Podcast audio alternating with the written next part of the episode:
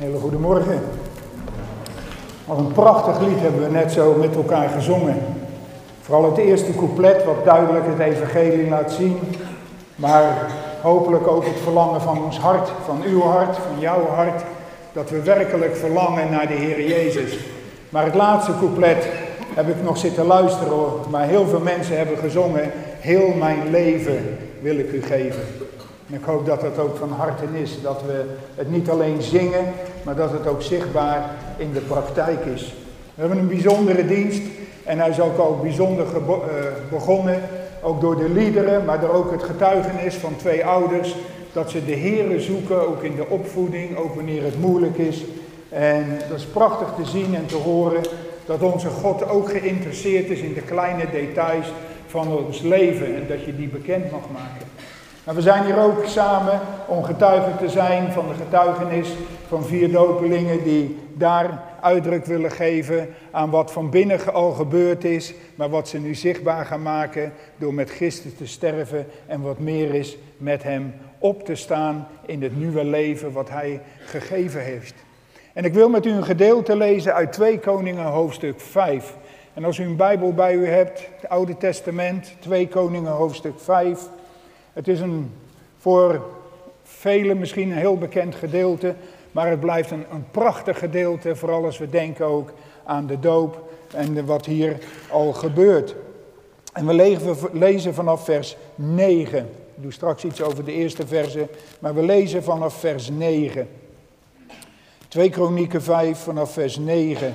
En zo kwam Naaman met zijn paarden en met zijn wagen en hij bleef voor de deur van het huis van Elisa staan. En toen stuurde, stuurde Elisa een bode naar hem toe om te zeggen, ga heen en was u zevenmaal in de Jordaan, dan zal uw vlees weer gezond worden en u zult rein zijn.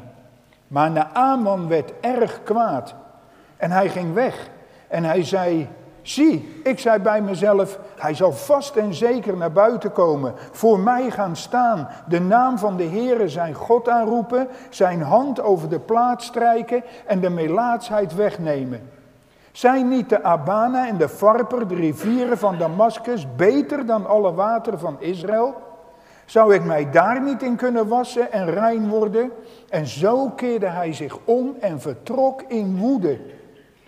Toen kwamen zijn dienaren naar voren, spraken tot hem en zeiden, mijn vader, als de profeet u iets moeilijks opgedragen had, zou u dat dan niet gedaan hebben? Hoeveel te meer nu hij tegen u gezegd heeft, was u en u zult rein zijn. En daarom daalde hij af en dompelde zich zevenmaal onder in de Jordaan, overeenkomstig het woord van de man Gods. Zijn lichaam werd weer gezond, als het vlees van een kleine jongen, en hij werd rein.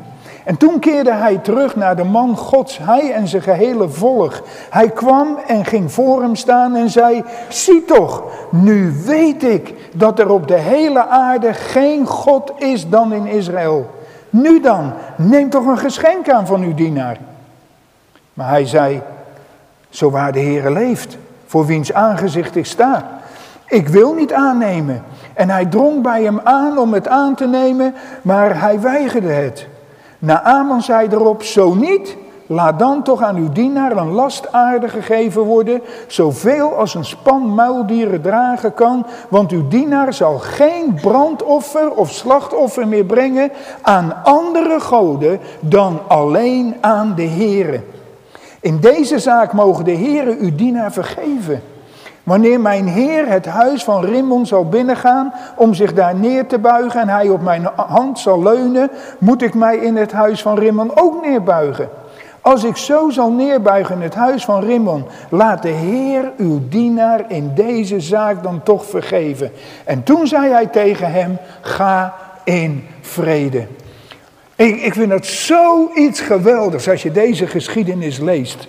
Die strijd in die Syrische legeroverste. Een man die alles waarschijnlijk voor de wind ging. Hij was machtig, de Heer had hem overwinningen gegeven. Hij had een hoge positie in Syrië. Maar hij had één groot probleem. Hij was ziek. Hij had melaatsheid. En melaatsheid in de Bijbel is een beeld van de zonde. Ons kan het ook zo voor de wind gaan. En, en alles gaat gewoon heerlijk. Maar het probleem is en blijft dat wij geboren zondaren zijn. En dat er alleen vergeving en redding voor een zondaar is. Door het geloof, door genade. In het volbrachte werk van de Heer Jezus Christus. Er is geen andere wijze om tot de Vader te komen. De Heer Jezus heeft zelf gezegd, ik ben de weg, ik ben de waarheid, ik ben het leven. En dan zegt hij daarna, niemand. Nou, als de Heer Jezus zegt niemand, dan is het ook werkelijk niemand komt tot de Vader dan door mij. En dan lezen we ook in Handelingen 4, vers 12 dat onder de hemel is er maar één naam gegeven worden, waardoor wij behouden moeten worden. Met andere woorden, dus er is een noodzaak. En dat zien we ook hier in het leven van de Aman. Er is een noodzaak. Want de zonde die had hem, de melaatsheid had hem gegrepen. En melaatsheid die woekert door in het lichaam. Het vreet meer en meer weg van je lichaam. En dat is wat zonde doet. Zonde houdt je vast. Zonde houdt je gebonden. En de Bijbel leert ons dat Paulus bijvoorbeeld zegt, want ik weet dat in mij, dat is in mijn vlees, niets goeds woont. Wij denken dat we goed zijn en, en dat het allemaal wel meevalt, omdat we dan naar een ander kijken die in onze ogen slechter is. Maar bijbels gezien zijn we gewoon zondaren. Dat is wat de Bijbel leert. En melaatsheid geldt in het Oude Testament als levend dood zijn. Nou, dat is wat de schrift ons ook leert in Efeze bijvoorbeeld, dat we dood waren door de overtredingen en zonden. En dat werd gezegd tot mensen die met beide voeten op de aarde stonden. En toch zegt Paulus, maar je bent dood in je zonde. En melaatsheid die werd ook gezien dat als een melaatser er was, die moest buiten de legerplaats leven. Nou, een zondaar leeft buiten de aanwezigheid van God. Jezaja 59 zegt, maar uw ongerechtigheden maken scheiding tussen u en God. Uw zonden doen zijn aangezicht voor u verborgen zijn, zodat hij niet hoort. Met andere woorden, zoals een Melaatse gescheiden werd van de rest, zo scheidt zonde ons van de gemeenschap met God. En bijzonder is ook dat we zien dat de Melaatse in de Bijbel niet door een arts werden genezen. Ze moesten zich bij een profeet, bij een priester, moesten ze zich melden. En zo is het de dag van vandaag voor ons dat wij als zondaren maar bij één terecht kunnen. En dat is de hoge priester. Dat is de Heer Jezus Christus.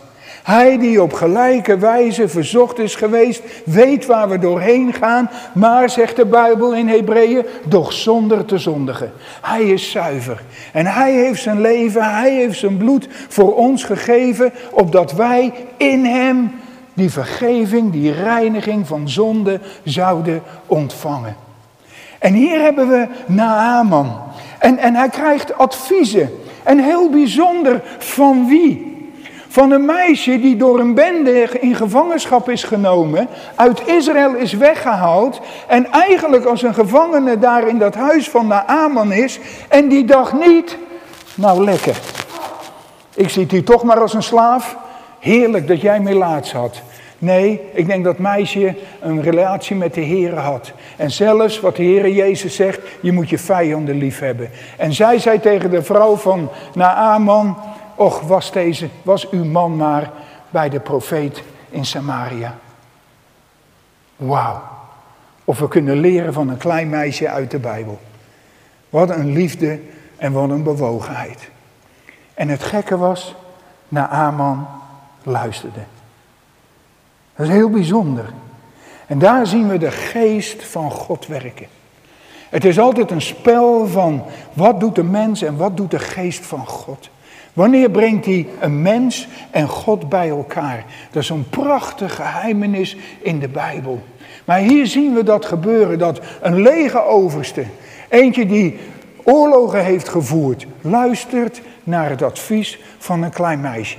En hij gaat naar de koning, naar, naar zijn meester toe. Hij krijgt een brief mee. En met die brief gaat hij naar de koning van Israël. En als hij het verhaal kent, die ja, het jaagt te stuipen op zijn lijf. Hij denkt, hier klopt iets niet. Ze verwachten van mij als koning dat ik de macht heb over leven en dood. En dat heb ik niet. Dit is volgens mij een valstrik. En dan zie je weer de geest van God aan het werk. Want Elisa, die hoorde ervan. En de Heere brengt dat bij elkaar. Prachtig om dat te zien. En dan komt hij dan ook en dan krijgt hij een tweede advies. Hier komt hij met al zijn paarden, met zijn, zijn rijkdom, met zijn geschenken. En, en hij krijgt een advies van de profeet, die zelfs niet eens naar buiten komt om hem te begroeten, maar zijn dienaar stuurt. En dan staat er zo mooi, hij zei, uh, kijk, hij gaat op weg en er stond, de dienaar van de man God stond heel vroeg op, ging naar buiten en zie een leger met paarden en strijdwagens omringde de stad. En toen zei de knecht tegen hem, ach heer, nee ik zit verkeerd, sorry hoor, mijn uh, bladzijde is omgewaaid. Uh, hier, toen zei die knecht tegen hem, uh, ga heen en was u zevenmaal in de Jordaan, dan zal uw vlees weer gezond worden en u zult rein zijn. Nou, simpeler kan het niet. Simpeler kan het niet. En voor velen is dat soms ook de moeite met het evangelie. Ja, zo eenvoudig gaat dat niet. Geloven in de Heer Jezus. Geloven dat hij het ook voor jou en voor mij volbracht heeft.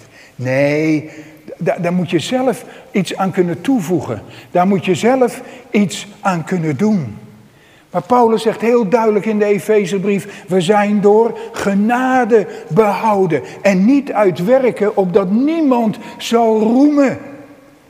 Maar Naaman was gewend om roem en eer te verwerven. En deze opdracht was zo eenvoudig dat het zelfs woede in zijn hart teweegbracht. Zo'n eenvoudige opdracht. Een opdracht van genezing, van redding, van een nieuw leven. Dat klinkt eenvoudig. En als je die eenvoudige boodschap van het evangelie niet horen wil, niet gehoorzamen wil, dan krijg je dezelfde hoogmoedstatus als Naaman heeft. Naaman was te hoogmoedig om de eenvoud van reiniging te aanvaarden. En zo zijn er vandaag velen die hoogmoedig zijn om de eenvoud van het evangelie te aanvaarden en te zeggen, Vader, wat een genade dat uw zoon in mijn plaats gestorven is. Maar wat meer is, hij is opgestaan en hij leeft. Dat is de boodschap van het evangelie. En hij vindt het ronduit belachelijk. En, en dan, dan laat het ook zien hoe we graag op eigen werken, op eigen religie, op eigen vorm bouwen. Want hij zegt, hier zijn dan de Abane en de Farper, de rivieren van Damascus, beter dan de wateren van Israël. Met andere woorden, mijn religie is beter mijn leer is beter dan dat wat van Israël komt. En hij weigert daarin te gaan. En hij keert zich om en hij was woedend, staat er. En dan opnieuw. Daar zie je toch dat de Heere geduldig blijft. Want de Heere schakelt zijn dienaren in. Wie geeft normaal de opdracht? Wie, wie bepaalt wat er gebeurt? Dat is Naaman. Dat zijn niet de dienaren. Maar hier zijn het de dienaren die bewogen zijn voor het leven van Naaman. En het is weer bijzonder dat ze hem durven aan te spreken. En dat Naaman ook naar ze luistert. Dat is heel bijzonder wat hier gebeurt als we denken aan de hiërarchie die daar normaal plaatsvindt.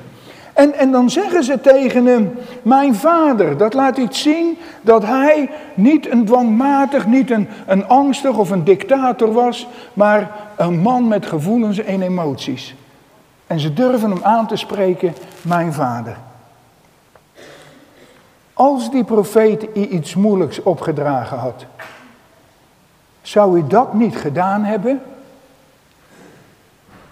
En we lezen niet het antwoord, maar het antwoord zou zijn, jazeker. Dan zou ik het gedaan hebben.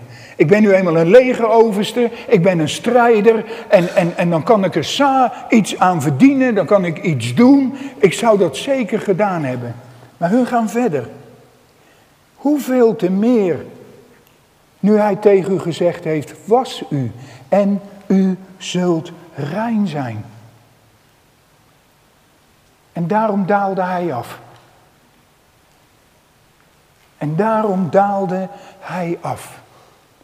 De dienaren in eenvoud overtuigden Naaman om te gehoorzamen aan de opdracht van Elisa. God schakelt soms eenvoudige mensen in om een ander tot de Here te leiden. En weet u, dan is het ook zo mooi dat we ons open mogen zetten voor de leiding van God in uw eigen leven.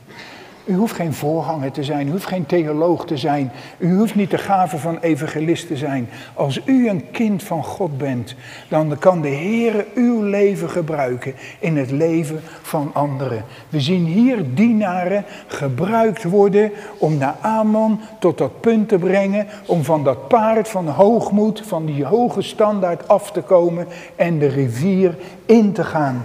En hij gehoorzaamt. Hij volgt het advies op. En dan staat er zo mooi.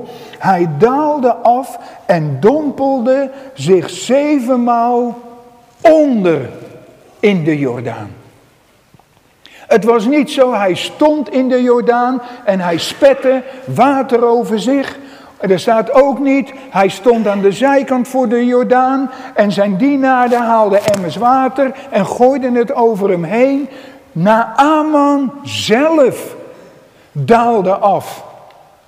En Naaman zelf dompelde zich onder in de Jordaan.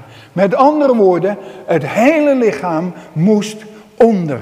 En zevenmaal, getal zeven, is getal van de volheid. En hij werd volledig ondergedompeld. Nou, dat hoeven wij niet meer. We gaan het niet zeven keer doen, denk ik.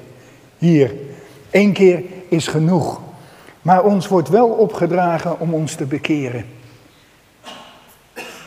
Bekeert u en gelooft het evangelie.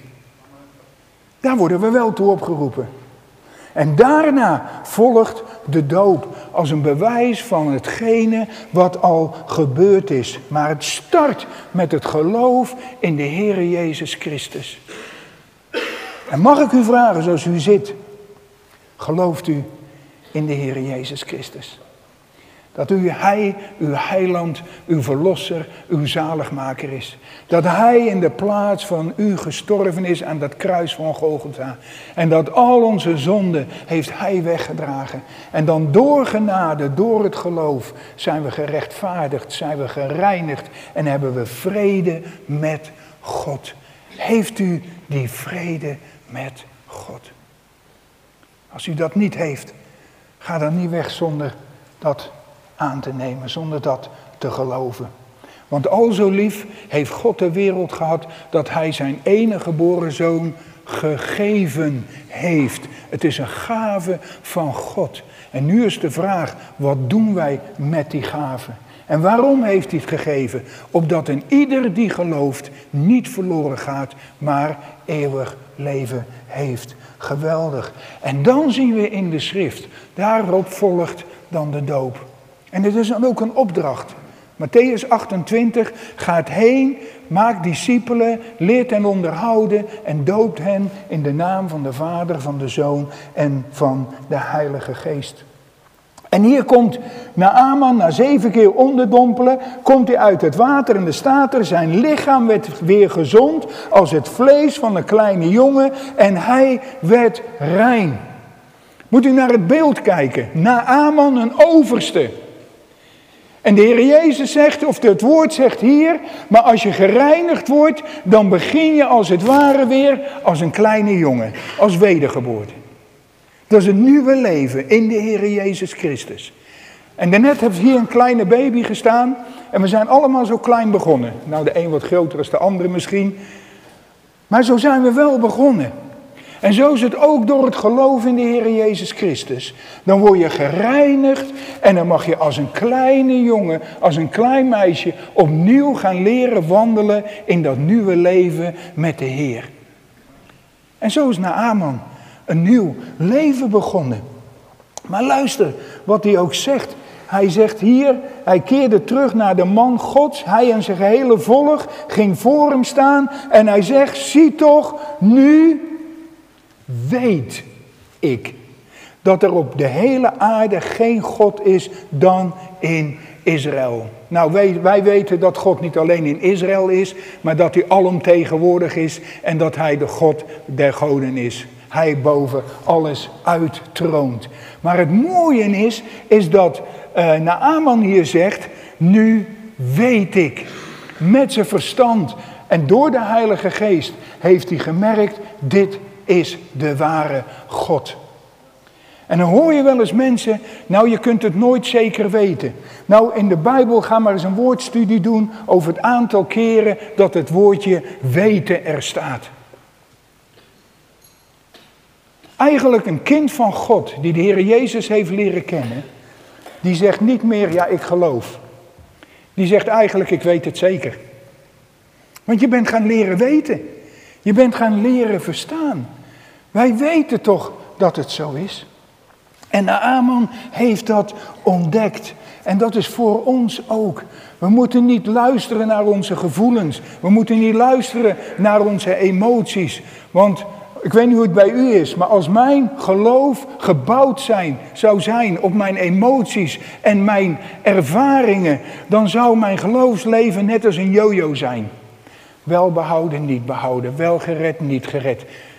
Maar mijn geloof is gefundeerd op het woord van God. Wat de waarheid is. En elke keer als er een gedachte komt dat het niet zo zou zijn, ga ik terug naar de schrift. En de schrift zegt, kijk naar Colossense 1 vers 14. In hem, in de Heer Jezus, hebben wij de verlossing. Hoe? Door zijn bloed. En dat moeten we goed onthouden. Niemand wordt gereinigd, niemand wordt gerechtvaardigd door badwater. We worden gereinigd door het bloed van de Heer Jezus Christus.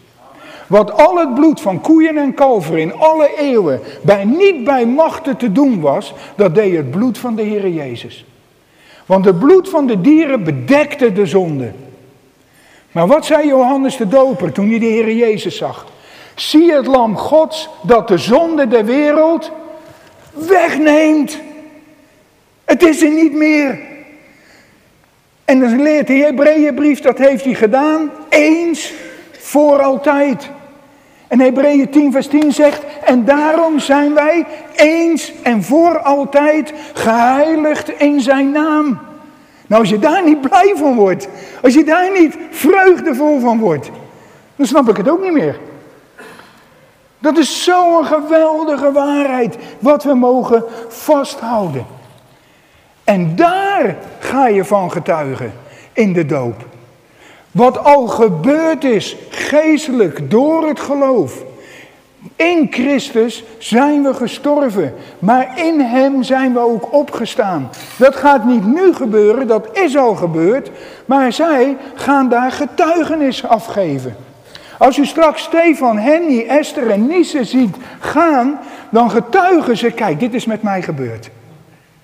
Dit is met mij gebeurd. Ik ben gestorven met de Heer Jezus. Maar wacht even. Ik ben ook met hem opgestaan. En ik leef. En dat is de prachtige boodschap van deze doop. Dat is de prachtige getuigenis van wat we hier zien. En lieve mensen, hier gaat het om de gehoorzaamheid aan het woord van God. Hier gaat het niet over de discussie, die we trouwens, woorden die we gebruiken, die we niet vinden in de Bijbel, als kinderdoop, volwassen doop, overdoop, die woorden bestaan genees. Je hebt een doop van Johannes de Doper als een voorspiegeling op de Heer Jezus. En dan na de Heer Jezus heb je de doop van geloof. En dat is wat deze vier deze morgen willen laten zien aan ons. Heeft u zich al bekeerd? Heeft u al het verlossingswerk van de Heer Jezus aanvaard in het leven? Weet u zich gerechtvaardigd, gereinigd door het bloed van de Heer Jezus? Als dat zo is, dan hoort daar de doop gewoon bij. Dat is bijbels. Dat is bijbels. En, en misschien is er wat in uw leven dat u dat uitstelt, of dat u daar nog steeds mee wacht, of nog steeds weigert. En, en dan zit u eigenlijk op dat paard van hoogmoed, net als Naaman. Dat is geen gehoorzaamheid aan het woord van God. En zoals de opdracht voor Naaman te simpel leek en hij eigenlijk religieus en in zijn eigen werken er iets aan wilde toevoegen, zo zijn er vandaag de dag nog steeds die excuses vinden om niet te gehoorzamen aan het woord van God. Broeder of zuster, als u gelooft in de Heer Jezus, geef dan uw leven in gehoorzaamheid ook aan Hem. Want de Jezus ontmoeten is levensverandering. Als u daar niet veranderd bent, dan vraag ik me af welke Jezus u ontmoet heeft.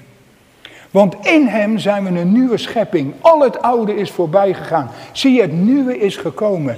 U zit niet meer in het stopcontact van de aarde, u zit in het stopcontact van de hemel. En u wordt gevoed door de geest en door zijn woord. En dat is wat we terugzien hier bij Naaman. Moet u eens kijken wat hij, wat hij zegt, we hebben het net gelezen. Zie toch, nu weet ik dat op de hele aarde geen God is dan in Israël. Dat is wat hij wist. Maar dat was ook het begin van zijn leerproces. Hij had geluisterd, hij had de eenvoud van de reiniging aanvaard. En toch in zijn hart dacht hij, en nu moet ik iets teruggeven. Want hij komt gelijk en zegt, nu dan, neem toch een geschenk aan. Nou dacht u nou echt dat de Heer Jezus zit te wachten op onze geschenken? Wat wilt u hem nou geven wat hij niet bezit? Wat wilt u hem nou geven wat hij zelf niet kan? Alles behoort hem toe. Alles is door hem en tot hem geschapen. En alles is van hem. Dus hij zit niet om een geschenk verlegen. En de Aman dacht dat dat nog zo moest. Maar hij kwam als wederom geborene in het proces van discipelschap. En in de genade en de geduld van God mocht hij leren. Vind ik zo prachtig. Dat we mogen leren. Dat we mogen leren wandelen met een levende God. Maar een geschenk is niet nodig. Trouwens, als u wat geven wil, doe dan Romeinen 12, vers 1. Geef je leven als een welgevallig offer aan de Heer. Dat is het mooiste wat je geven kan. De rest heeft u niet nodig. Maar je toewijding. Romeinen 12, vers 1. Een prachtig vers om dat te doen. Maar we zien nog iets. We dus nagaan wat die doop, dat gehoorzaamheid in Naaman gedaan heeft. Naaman zegt in vers 17, als, als er geen geschenk is, mag ik dan een last aarde meenemen? Want ik heb een probleem, zegt hij. Ten eerste wil ik geen brandoffers en slachtoffers meer brengen dan aan andere goden. Dan alleen aan de Heer. Dat getuigt van verandering. Hij heeft zijn rug naar het oude leven gekeerd. En hij is een nieuwe weg ingeslagen. Geen offers meer aan dat oude, maar alleen aan dat nieuwe. Dat is Naaman. En, en dan vraagt hij ook al van tevoren, in deze zaak mogen de Heere uw dienaar vergeven. Hij wist dat hij een weg moest gaan. Hij wist dat hij terug moest. En hij wist dat hij met zijn Heer af en toe die tempel van Rimmon in moest gaan. En dat hij zijn Heer gewend was op zijn arm te leunen. En hij vraagt preventief. Mooi hè? Preventief vraagt hij al vergeving voor zonde die hij waarschijnlijk moet doen vanwege zijn positie. Maar waarom doet hij dat? Omdat hij de Heere heeft leren kennen. Wat een verandering. En daar getuigen deze vier ook van. Dat hun leven veranderd is. Gestorven met Christus. Zie, al dat oude is voorbij. En dan komen ze uit dat water. In dat nieuwe leven. In dat nieuwe leven met de Heer Jezus Christus. Dat is het mooiste wat je kan doen in je leven. Leven met Hem. Dat is het geweldigste wat er is. En Naaman, die is daar hier een voorbeeld van. Maar in de schrift zien we zoveel die tot geloof en bekering zijn gekomen. En tot de dag van vandaag zien we de Heere God aan het werk. Mensen komen tot geloof en bekering en veranderen en gehoorzamen. En hebben een liefde voor de Heere Jezus en willen voor hem leven. Opstaan uit de dood met hem. Paulus moedigt ons ook aan om juist dan ook in die nieuwheid des levens te wandelen. Want dat is wat jullie doen. Jullie gaan in dat bad, maar ik denk niet dat jullie daar blijven. Iedereen gaat weg en jullie blijven daar maar staan. Nee, je komt eruit en dan hoop ik dat jullie dat verlangen hebben. Dan ga ik lopen in die nieuwheid des levens. Ik heb het aan iedereen laten zien. En je bent straks ook door deze hele menigte aanspreekbaar. Want dat is het risico van een getuigenis geven, hè? Je bent door de rest, door de hele gemeente aanspreekbaar. En die kunnen zeggen, ja wacht even, uh, jij hebt getuigd dat je bent opgestaan in de nieuwheid des levens. En, en wat je niet doet, dat klopt helemaal niet met die nieuwheid des levens. En zo mogen wij elkaar daarin aansporen. Maar Paulus zegt in Romeinen 6, vers 3: Of weet u niet dat wij alle die in Christus Jezus gedoopt zijn, in zijn dood gedoopt zijn? Wij zijn dan met hem begraven door de doop in de dood, opdat. Dat woordje moet je onderstrepen in je Bijbel. Opdat, evenals Christus uit de doden is opgewekt tot de heerlijkheid van de Vader, zo ook wij die geloven in een nieuw leven zouden wandelen. Wat een genade. Wat een rijkdom. En mag ik u vragen, wandelt u in die nieuwheid des levens? Geniet u daar nog van? Verheugt u zich daar nog in? Bent u daar nog steeds zo dankbaar voor?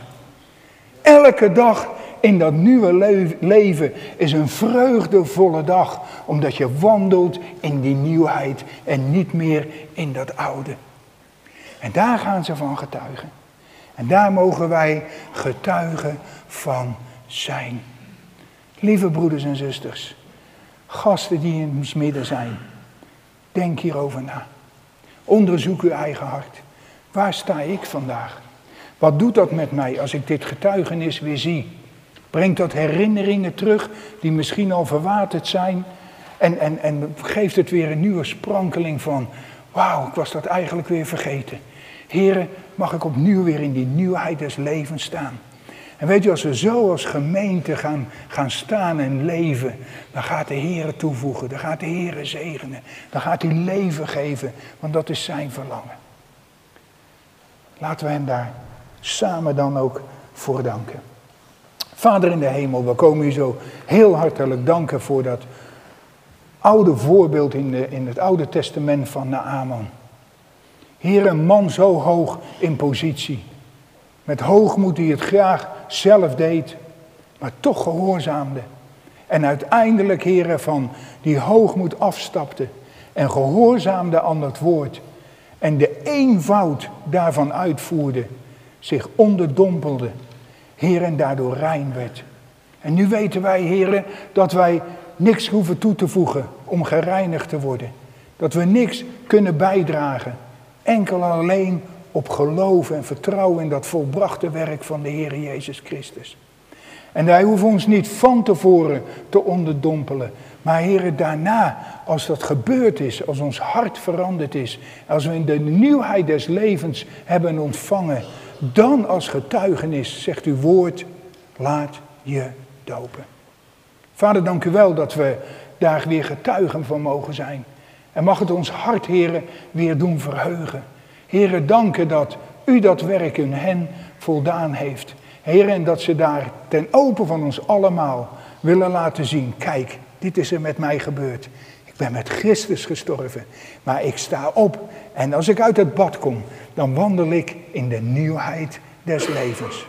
Maar mogen wij als broeders en zusters om hen heen staan, om ons te helpen, te bemoedigen, te versterken en wanneer nodig is te vermanen om in dat nieuwe leven te blijven wandelen en niet af te zwakken en tot het ergste geval terug te keren naar waar ze vandaan kwamen. O Vader, wilt u dat uitwerken? En dank u wel voor deze heerlijke morgen. Maar bovenal dank u voor het offer van uw Zoon, de Heere Jezus Christus. Dank u voor uw genade. En we loven en we prijzen u. En we bidden en danken in die kostbare naam die onder de hemel is gegeven. De naam van uw Zoon, de naam van onze Heiland, de naam van onze Verlosser, Jezus Christus. Amen. Amen. Amen.